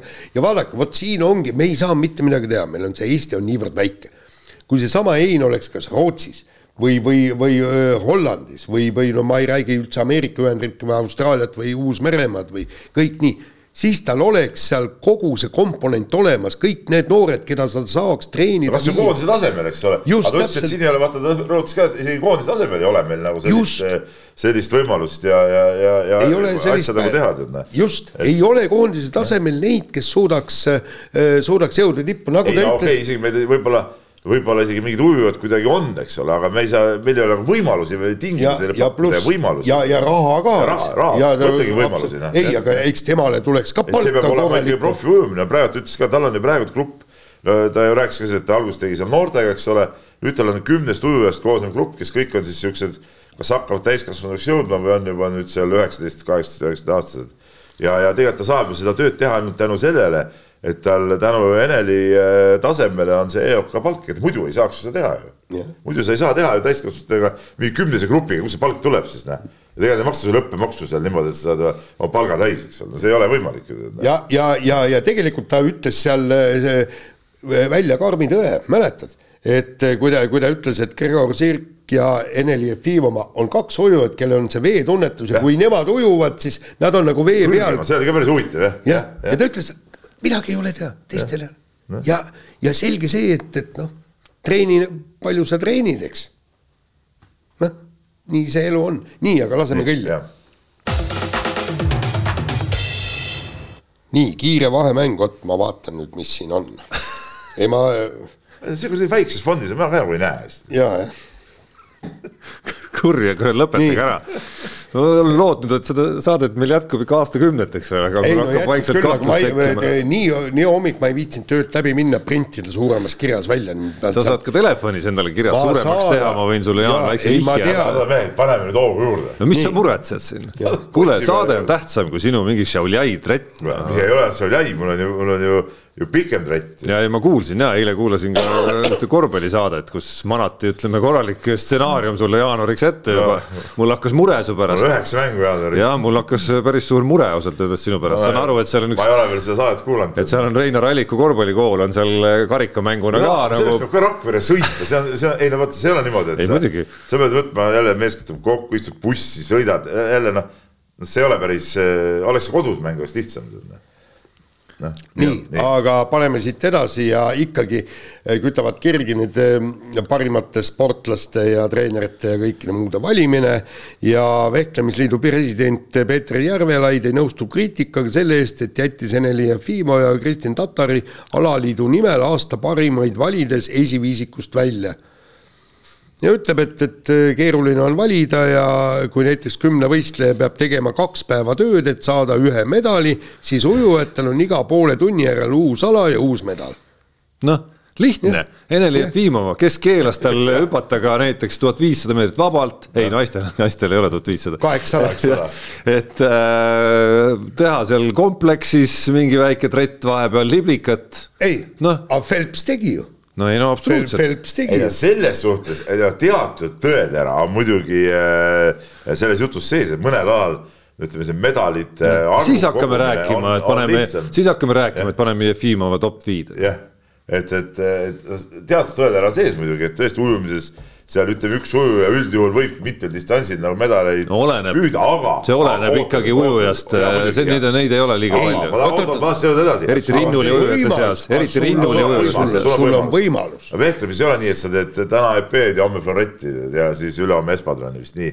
ja kuigi teoreetiliselt, aga miks ka mitte. Jaa, ei, absoluutselt. et. äh, Vot kümnevõistlejatel on keeruline, muuda loomulikult Jefimova medaleid kuidagi kehvemaks kui, kui, vehklemismedaleid. no Jaa, ütleme, ütleme siiski Jefimov, kui ta selle kümnevõistleja tõi juba ujujaga võrdlusesse, siis, siis äh, Jefimova konkurentsis ei olnud ühtegi mitmevõistlejat, keda ta oleks ettepoole pannud, et seal oli suusaorienteeruja ja tai-poksija jah, aga tegelikult, tegelikult ma ütlen, et see oli, see oli ka no muidugi ajakirjanduslikult noh, niisugune ülespuutud asi, sest kui me vaatame neid alaliitude eh, nii-öelda nimekirju, keda nad panid, üks, kaks, kolm seal, et tegelikult oli ju hästi ausalt ja toredalt pandud ja see ühe nii-öelda kõrre sealt välja tõmbamine, noh. Ei no ma arvan, et see selles mõttes ongi, ma arvan, et see ongi vajalik, ma eelmises saates vist või üle-eelmises rääkisin ka, et see pilgu peal hoidmine natukene nagu minu arust ajalugu näitab, ongi distsiplineerinud neid alaliite ja se-, sellepärast sel aastal nägigi see pilt ikkagi selline välja, kus neid noh, nii-öelda nagu oma ala inimese konkurentide nii-öelda nagu meelega väljajätmist noh, sisuliselt oligi väga vähe näha. see Vehklemisliidu oma nägi nii välja, kuigi Peeter Järvelaid väitis, et tema ikkagi see oli täiesti ausalt pandud milles noh ei no tema silmis oligi ausalt, noh. tema silmis oli ausalt nagu näha siis jah, nii, aga nüüd läheme nostalgiaminutite juurde, siin on kohe kaks nostalgialaksu korraga kokku pandud. nii pisaraid kui ka rõõmupisaraid Peebule ja Jaanile. esiteks, Lancia kavatseb naasta autoralli MM-sarja no see peaks, mehed peaks juubeldama siin praegu. see on no, tore. Lancia Delta Integrale, mäletan mina isegi. jah, jah, no. Saintsid ja mehed sõitsid sellega. küll, jah. muide, aga panite tähele, selles uudises oli, oli hoopis teine ja palju olulisem uudis sees ja huvitav, et, et kuidas seda noh, väga vähesed märkasid ja sellest pole nagu eriti kirjutatud. miks tuleb Lancia tagasi ja millega tuleb tagasi? Rally2 autoga, aga miks? sellepärast, et mõne aasta pärast, ehk siis järgmine modifikatsioon, mis tuleb, on täiustatud Rally2 auto, millega tullakse maailmasarja. Ja ta ei tule mitte Rally2 auto, ta ei taha võidelda mingisuguse noh, nii-öelda väiksema tiitli eest, aga väidetavalt siis tuleb tõesti Rally2 kaks pluss oli, see oli vist see auto nagu, kuidas nad oli, olid pannud kõik nii. mis tähendab seda, et, et need paganama, see jura, mis praegu, praegu siin ringi sõidab, see sajakilone kast peal autod, et need lähevad ajalukku ja see on minu ja minu jaoks oluline. Ja, ma arvan, et see on õige, õige, kui sa vaatad praegu, mis toimub seal paganama ralli, Rally kaks, mis täiesti hullumeelne konkurents. hullumeelne konkurents jah, on küll jah. Ja no nii, näed, hõiskasidki mehed, aga, aga, aga teine asi paneb mehi nutma ja. siin kindlasti, ehk siis suure ajalooga Holmenkollani viiekümne kilomeetri klassikasõit järgmise hooaja murdmaasuusatamise MK-sarjas ei ole, mida ei ole, seda ei ole. no ma saan aru, et see on see probleem, et MM-i viiskümmend kilti mingi nädal enne seda või, et, et no ma ei tea, siis oleks tulnud kalendrit kuidagi nagu sättida, aga vot siukseid asju välja jätta nagu ei saa, see näitab selle jälle järjekordse FIS-i suusaliidu mingit täielikku debiilsust, et noh, olgem ausad, noh sa ei saa siukest klassikalist asja välja jätta, no Holmen Kollani viiskümmend on, on nagu hooaja nagu sihuke, sihuke juveel nagu tead, noh see, see peab olema nagu tead sees. oota, aga miks nad seda uuesti ei või sõita siis nädal hiljem, mis see, mis see probleem on? ei no okei okay,, no seda maratoni iga nädal võib-olla nühkida ei, ei ole ka. tähendab, küsimus, nad ka nühiksid, aga ei ole MK-sarjas ja ma arvan. ma mõtlen, et seepärast, noh, võib-olla seepärast jäetigi välja, et seal nädalavahet, eks ole. no kuule, küsige suusatajalt. kindlasti oleks, oleks saanud seda korraldada ja noh, vot siuksed, see näitabki seda, et tulevad jälle alaliidu etteotsa mingisugused eh, tüübid, kes ei oska nagu asjadest pidada, noh kel ei ole ka võib-olla mingit ajaloolist mälu või seda tunnetust nagu tead. Noh. ja aga, aga muide, mina siinkohal suusatajate asemel teeks nõnda.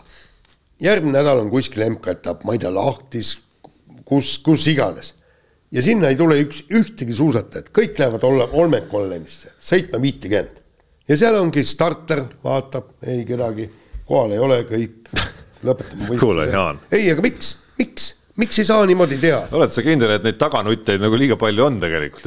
ja üksikud hääled tulevad küll, aga, aga, aga võib-olla ikkagi mingi, mingi nii-öelda, mingi aja, no ma saan aru jaa, aga kindlasti on ka neid, kes võib-olla kehitavad õlgu ikkagi. Tarmo no,, kui sa oled suusataja ja isegi sulle see viiskümmend ei sobi, sa ei taha sõita, aga sa pead olema traditsioonide valvaja. see on klassik, noh, see on klassik. Te ei pea mulle seda selgeks tegema. sulle, see mina... tuleb ka, et ega sa ka asjadest aru ei saa tihtipeale. Noh. ega praegu sul siuke nägu peas, nagu sa ei saaks aru sellest asjast. no mul tegelikult on natuke selline, no tunnistan ausalt, sihuke triksteri nägu natukene, kus ma lihtsalt teie ärritamiseks ei, ütlen mingeid lauseid. Teid on nii lihtsa, eriti Peepu on nii lihtne, Peepu on nii lihtne käivitada ka veel, tead täpselt, mis nuppudega. nii, lähme edasi aga palun. Arti Aigla tegi siis eh, Eesti suusa, suusahüppe ajalugu, ma võrdlesin seda, kui need pealkirjad tulid eh, legendaarse Gunnar eh, Pressi pealkirjaga Jens, mis sa tegid? kui Jens sai punkti koha esimest korda. esimest korda punkti koha, kas ta oli kolmekümnes või kahekümne üheksas, ma ei mäleta. kolmekümnes. kolmekümnes jah, ja, ja nüüd siis Arti Aigla nelja hüppemäe turnee etapil siis kahekümne esimene koht ja ja, ja ei no see, see, see on väga-väga tubli ja kõva saavutus, suusahüppe ütleme, see tipukonkurents on ju, on ju ülimalt tihe, et noh, et, et äh, aga noh, jah, loodame, et siit saab nagu edasi minna, sest MK-etappidel on kõrgemaid kohti ka saadud tegelikult. Äh, tegelikult. Äh, oi, kuule, ma pean tegema paranduse praegu no. siin. ma ei tea, kas Gunnari, Gunnari näpud on kuidagi käinud seal arhiivi kallal, aga Nii. see pealkiri oli ikkagi Vägev, Jens Vägev ei, me, me muutsime ümber, see oli esimene ja. pealkiri, mis ta pani. mis mõttes siis... toimetuse juhi pealkirja tegid ümber või? Gunnar Pressi või? jah sa ei mäleta seda või? ei, liiga hästi küll ei mäleta.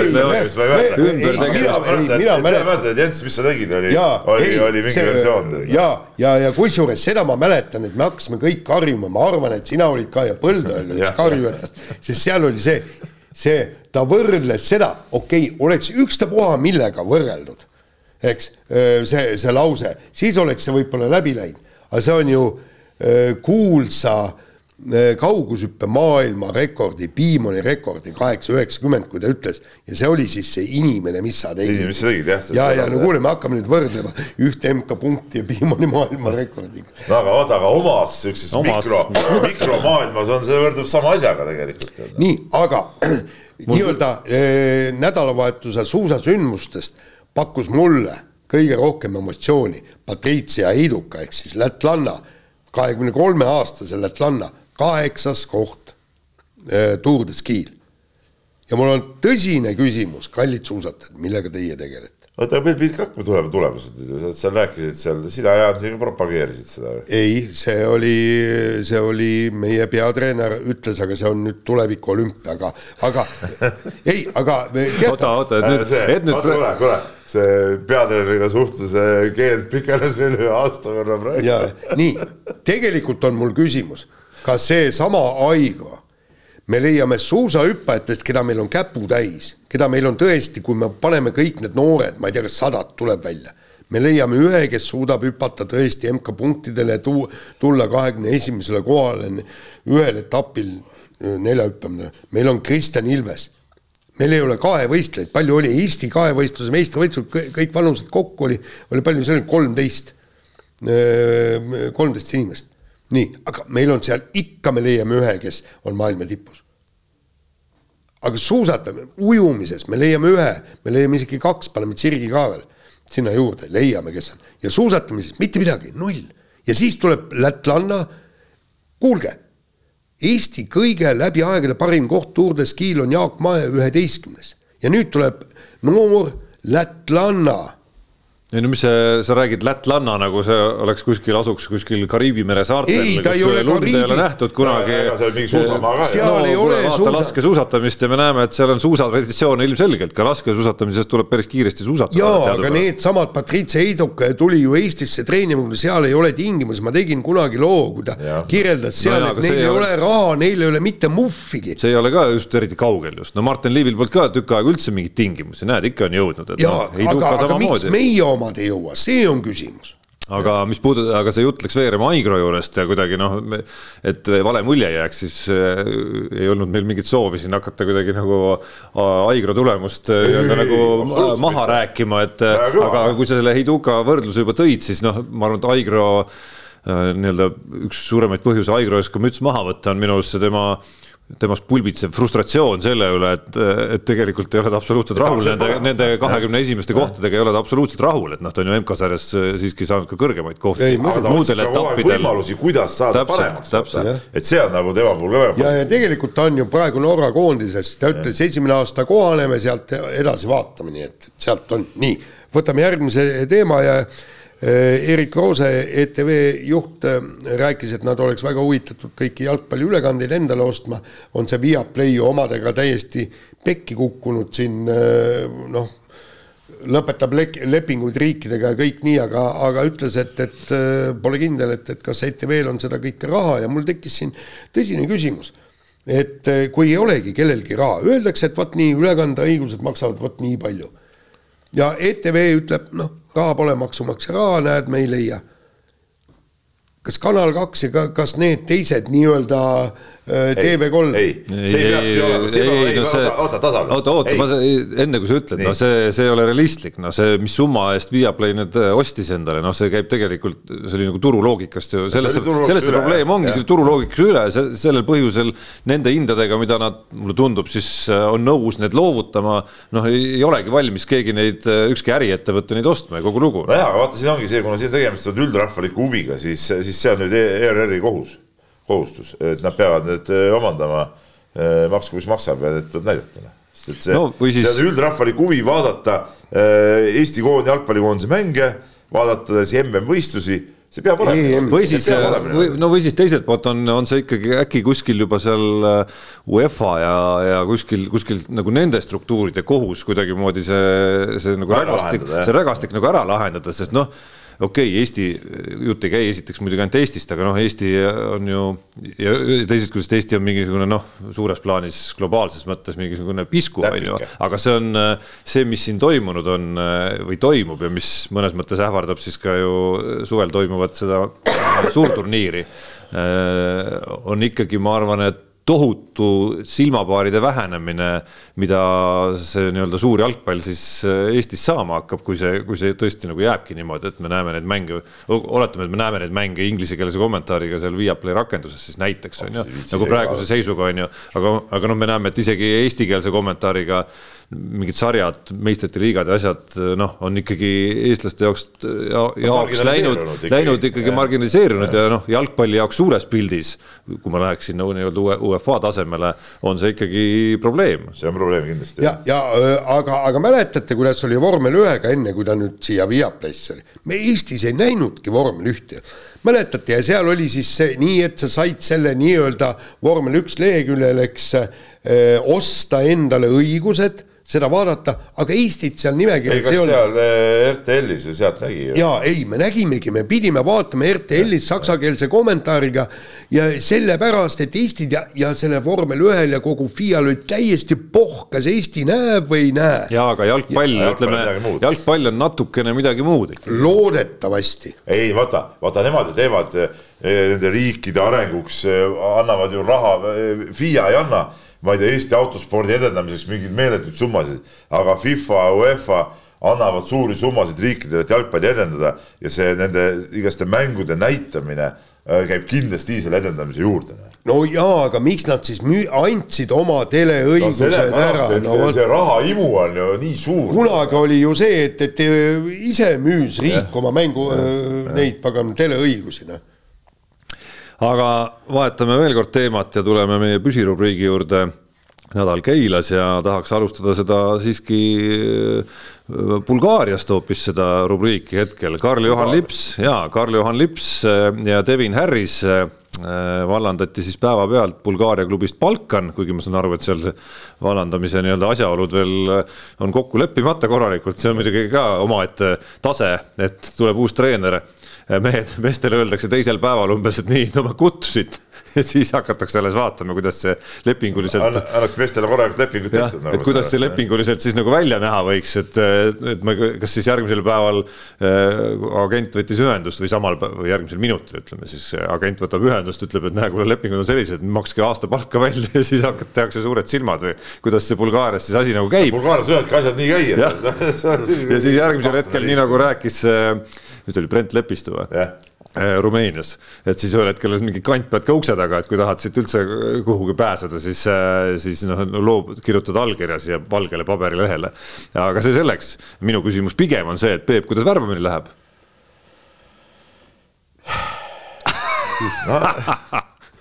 kuidas seda nüüd ütelda? noh no, kuidas, ütle, ütle, kuidas asi on no,. No, ma arvan, et meie kuulajad, Peep, kui me oleme selle sisuturunduse rubriigi siia ikkagi nagu toonud. ei, ma siis... väga tahaks, et need mõlemad mehed mängiks. Eh, teadupärast ma olin Harrisega ju kokkuleppe lävel, kui ta läks sinna Balkanisse, sellest vist suvel rääkisime ka siin.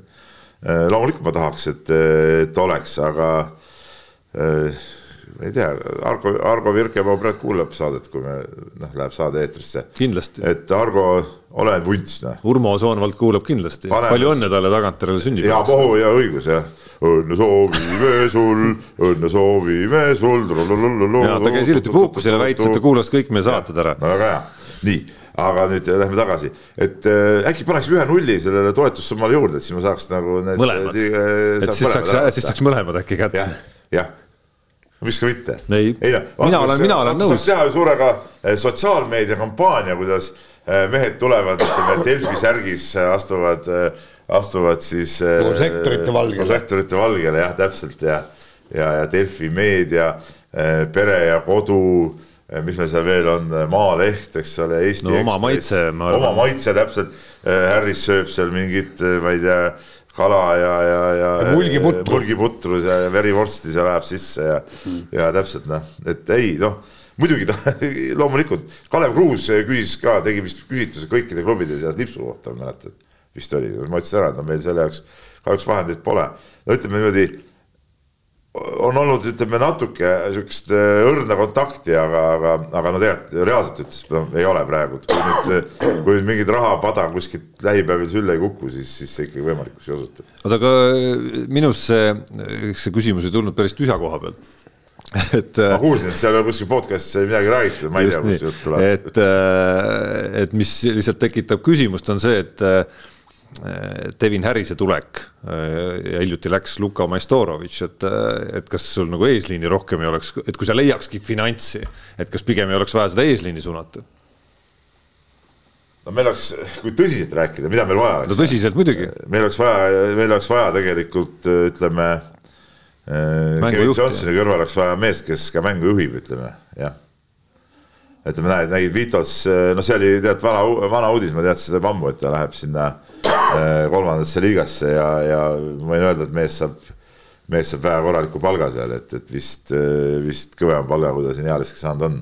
mis on muidugi ka suht, tundub nagu absurdne tegelikult, aga, aga nii see on, et, et sest ma kompasin isegi Vitotsit korra mingi hetk, jah et äh, mängu juhtuks vaja jah, aga, aga loomulikult lipp sobiks ka väga hästi, noh, mis noh, lips Kristiini näiteks korraga seal korvi all, poleks paha variant, väga pikad ei ole, aga samas liikuvad, noh, miks ka mitte.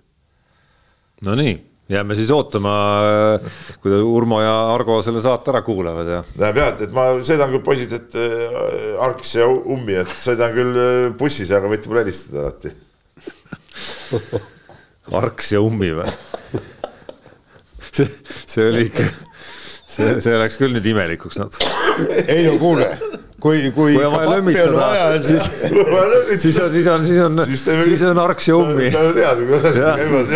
ja kui ei ole, siis on, siis on. siis on ikka, siis on kõik väga halvasti kogu aeg. nii, aga laseme nüüd kõlli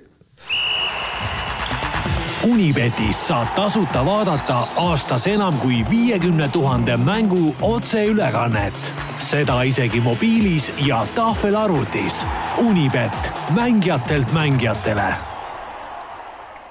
Nonii, alustame, alustame teadaandega, et et nii nagu eelmistel hooaegadel, nii on ka, on ka meie saate toetaja Unibet tänavu meiega ehk et meie ennustusmäng, aasta ennustusvõistlus saab toimuma Äh, saab toimuma samal kujul ka, ka käesoleval aastal, see Aa, nädal oli veel. poisid ka õige pappi mu kontole vaadata, ennustama hakata, ma kõik ära näidanud.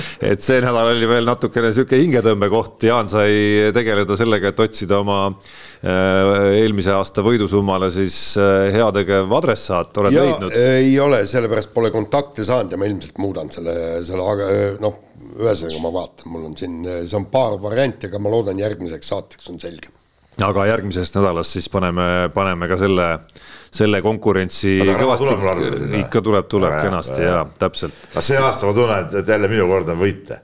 et see eelmine aasta võitsin, üle-eelmine aasta, eelmine aasta ma andsin Jaanile, nüüd see on minu kord jälle, et noh, Tarmo, Tarmo oma ütleme sellise alal, alalhoidliku mängustiiliga, noh, ta ei ole võidumees, tal ei ole seda, seda sihukest nagu täppa instinkti nagu see võidu, võidutahet nagu ma ei näe.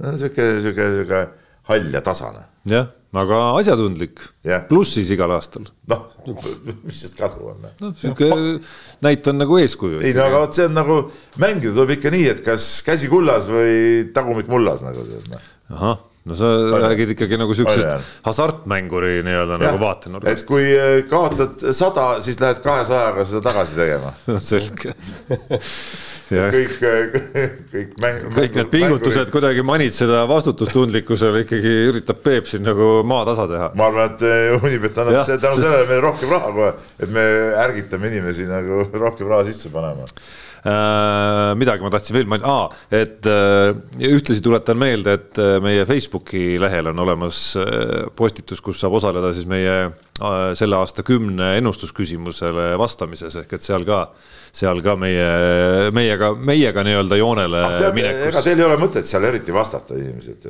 no ma vastasin kõik õiged vastused ära, noh, teil ei ole mõtet jamada. ei, ei, pange sinu järgi ah, ja, ja. ei tea, aga siis ma ei taha kellegagi jagada seda võidusummat. sina ei pea midagi jagama ja mingit summat sulle sealt ei tule muidugi, kümnest küsimusest. Sealt... mis summa ma sain? Ei, mis sina noh. ei no mis asja? kas ei olnud nagu mingi rahas mängus, miks me üldse vastasime siis, Jaan? no ma ei tea no vähemalt. Tarmo on jälle meid mingi vedanud mingisse sohusse, sohku. Noh, nii, räägi kirjadest parem. nii, okei okay,, võtame paar kirja kiiresti, sest aeg on tõesti juba oi-oi-oi kaugel. Tarmo alati räägib nii ah. pikalt igal pool sellest. Te võite mingi veerand tundi ees või veerand tundi hiljem, Peep. distsipliin, äh, distsipliin. mis seal vahet? Äh, ja mul on ülikond veel kotti panna seal äh, kontoris nii. võtame, võtame. kas sa võtad vormid ka kaasa? ei, vormide eest ma ei vastuta, aga oma, oma ülikond tuleb kotti panna. sedasi vanem, paneb kurtsu tead, noh aga mul juhtuski sihuke lugu, et ma ta on kiire kusjuures, ma see laupäeval oli mäng, eks ole, ja meil oli kaks nädalat pausi onju, noh mõtlesin, et paus, et viin ülikonna siis vahepeal keemilisse lasen ära. võtsin puu pealt ära, panin see kotti kuskile käkru ja autopagasti tead reede õhtul tegin pagassi lahti oh, oh sa kurat võtan välja, kurat nagu kortsu. kortsus natuke. mitte natuke, nagu kortsu. no aga sa oleks võinud teha näo, näo, et see ongi moes praegu. mõtlesin, ei noh, seda ei ole koduste vahenditega võimalik kuidagi sirgeks, sa oled ülikonda proovinud pressida kunagi, no see on paras peavalu, tead noh et ma, mul ühel reisil läks ükskord ka, kortsusime seal läbi Padjapüüri hotellitoas pressisin, tead, kui nüüd äh, Tšehhis käisime. aga, aga, aga no see nüüd oli ikka täielik kortsuhunnik, tead. Aga ei midagi, vaata ikkagi on, on toredaid inimesi ja mul on üks koht seal Haabersti Rimi parklas on üks keemilise puhastuse putka, kus ma viin oma triiksärki alati. Viid sinna, seal pesevad ja triigivad ära ja siis võtad jälle tagasi. ja mõtlesin laupäeva hommik, mõtlesin, et pagan, et noh, et, et nendel on seal üks, ma teadsin ka mingi aurutus, mingisugune masin, teevad seal kohapeal ka mingeid asju ja, ja seal on üks kena proua, kes, ma olen nii kaua seal käinud, kes noh, ma ei pea tihtipeale isegi seda tšekki näitama, näeb, ma tulen, läheb, toob mu särgid ära annab mulle ära, mõtlesin, annaksin jumal, et see oleks tööl, et, et ma lähen sinna, et äkki ta siis võtab mu selle ülikonna, teeb ära. ja läksin sinna ja näe, oligi. Ja võttis sinna vahele, tegi, ütles, et tund aega läheb aega. Ma käisin nii kaua Rocca al Mare keskuses, ostsin sealt väikse eh, maiuse tänutäheks ja läksin tagasi tunni aja pärast ja ülikond oli nagu uus, tead noh. oota, aga mis amatürismiga me tegeleme ja? siin ikkagi, selles mõttes, et äh, kas mängijad ka ise pesevad oma särke ja asju, noh, et ma kujutaks ette, et äh, peatreener läheb mängule riietusruumis, mängijate särgid ripuvad seal nagis ja, ja samamoodi ripub aga, sinu värskelt ei, pressitud ei. Äh, ülikond ja loomulikult ei ole neid üks ainult, vaid noh, ikkagi vähemalt neli. ei, mees ikka hoolitseb oma ülikonna eest ise, mina hoolitsesin nii, panin, panin ta käkku autopagasikusse aga näe, kõik lahenes kõik lahenes, vot nii, et ah soo nii. Ja nüüd läksime kirjade juurde kiiresti, aega jäi veel vähemaks. et eh, püsikuulaja Gert kirjutab meile, et eh, esitan siis väga jabura küsimuse, aga tekkis see küsimus seoses äsja lõppenud noolemängu MM-iga, kus tegi suurepäraseid esitusi kuueteistaastane eh, Luke Littler, värske juunior maailmameister, kes lõpuks mängisid MM-finaalis teiseks. Ja siis seoses sellega tekkis küsimus, millises seisus on Eestis noolemäng kui spordiala ning kas meil on tegijamaid mehi-naised äh, sellel mängul nagu olemas? noh, teab keegi no, midagi? kuskil oli mingi aasta-paar tagasi oli sellest juttu, et, et, et aeti, aga, aga kas küsitakse veel, kas see, kas liiga näiteks on olemas Eestis mingi? pidi midagi olema. ma arvan, et midagi on, aga midagi on, aga kusjuures leedukad on ju kõvad vist minu meelest. Nad on ka MM-idel olnud ja, ja aga mul tekkis küsimus, see kuueteistaastane poiss nii kaugele jõudis Nad mängivad ju kuskil õllekates, seal oli ju hirmus õlle joomine, kõik nii. kuueteistkümnesele ei müüda ju õlut. ja tal on hea kaine peaga mängida ju. ei, seda ka, teine asi see, et, et vahest ikka vaata, vaatad äh, telekas näitab ka neid noolemänguvõistlusi, äh, eks ole. no seal päris pungid kujunevad muidugi, need mängivad ise onju aga see publik on, see ka mingi kummaline, mingi õudne lällamine käib seal. ei no ma räägin no,, joovad õlut. mulle see mäng nüüd sihukest emotsiooni minust küll nagu esile ei kutsu, et see sihuke lällamine peaks. oota, kuule, mine võta viis õlut sisse ja küll siis siis sa, rääkisime ninaga Erneste veeretamisest mingis saates, et äh, kui sa seal pubi õhkkonnas oled juba ja hoog on sees, siis äh, on sul palju vähem vaja selleks, et, et, et kaasa elada väga joviaalselt. nojah, ei see on kahtlane ikkagi nii. Kusjuures ma, ma läksin korra lihtsalt huvi pärast vaatama siis, et küsimusele mingisugustki asjalikku vastust ka leida meie enda arhiivis, et millal, millal viimati, millal Tartsist on kirjutatud ja leidsin aastast kaks tuhat kakskümmend üks märtsikuust, isegi ei saa vist öelda noorreporter Kaspar Ruusi, aga toona ta oli laps teismeline või lapsreporter Kaspar Ruusi sulest ikkagi Baby ühe, ühe intervjuu Eesti Tartsiliidu presidendi Andres Paaliga ja, ja siin on täitsa seda, ma ei usu, et see kahe aastaga liiga palju muutunud, see seis on, nii et äh, on võimalik, ma arvan, äh, see läbi töötades enam-vähem pilt ette saada. nii, aga võtame teise küsimuse ka ja see tegelikult küsimus on rohkem sulle, Tarmo. ütleme, me saame siin nagu öelda nagu, kuidas asjad tegelikult on, aga sina siis võid rääkida, mis see siis nagu see vaade on. küsimus selles, seoses Martin Liivi medaliga tekkis küsimus kiiruisutamise näitamisega. Äh, kas pole olnud teie meediamajas jutuks, et võiks hakata näitama kiiruisutamise EM-i ja MM-i et eelmine aasta Martin võitis seemisprindi mitmevõistluse pronksi tänavu viiesaja meetri hõbeda, et kui raske oleks Delfi näidata Martini võistlusi, mis peaks selleks juhtuma? jutuks on olnud noh, ma arvan, enamik alasid, mis üldse, mis üldse huvi võiks pakkuda, aga, aga kiiruisutamisega on see, see konks, et, et et nende õigused on Eurospordi käes. ja Eurosport, sama teema on tegelikult kahevõistlusega ka, et mida on nüüd üksikud etapid on jõudnud Rahvusringhäälingusse eelmisel aastal või eelmisel hooajal ka meie Delfi ülekannetesse, aga, aga noh, Eurosport on suhteliselt keeruline partner nendega kokkuleppele saada alade osas, kus neil on siis kogu euroopalised õigused olemas, noh praktika on näidanud, et äh, ülikeeruline, neil ei ole nagu huvi seda. et mine tee endale.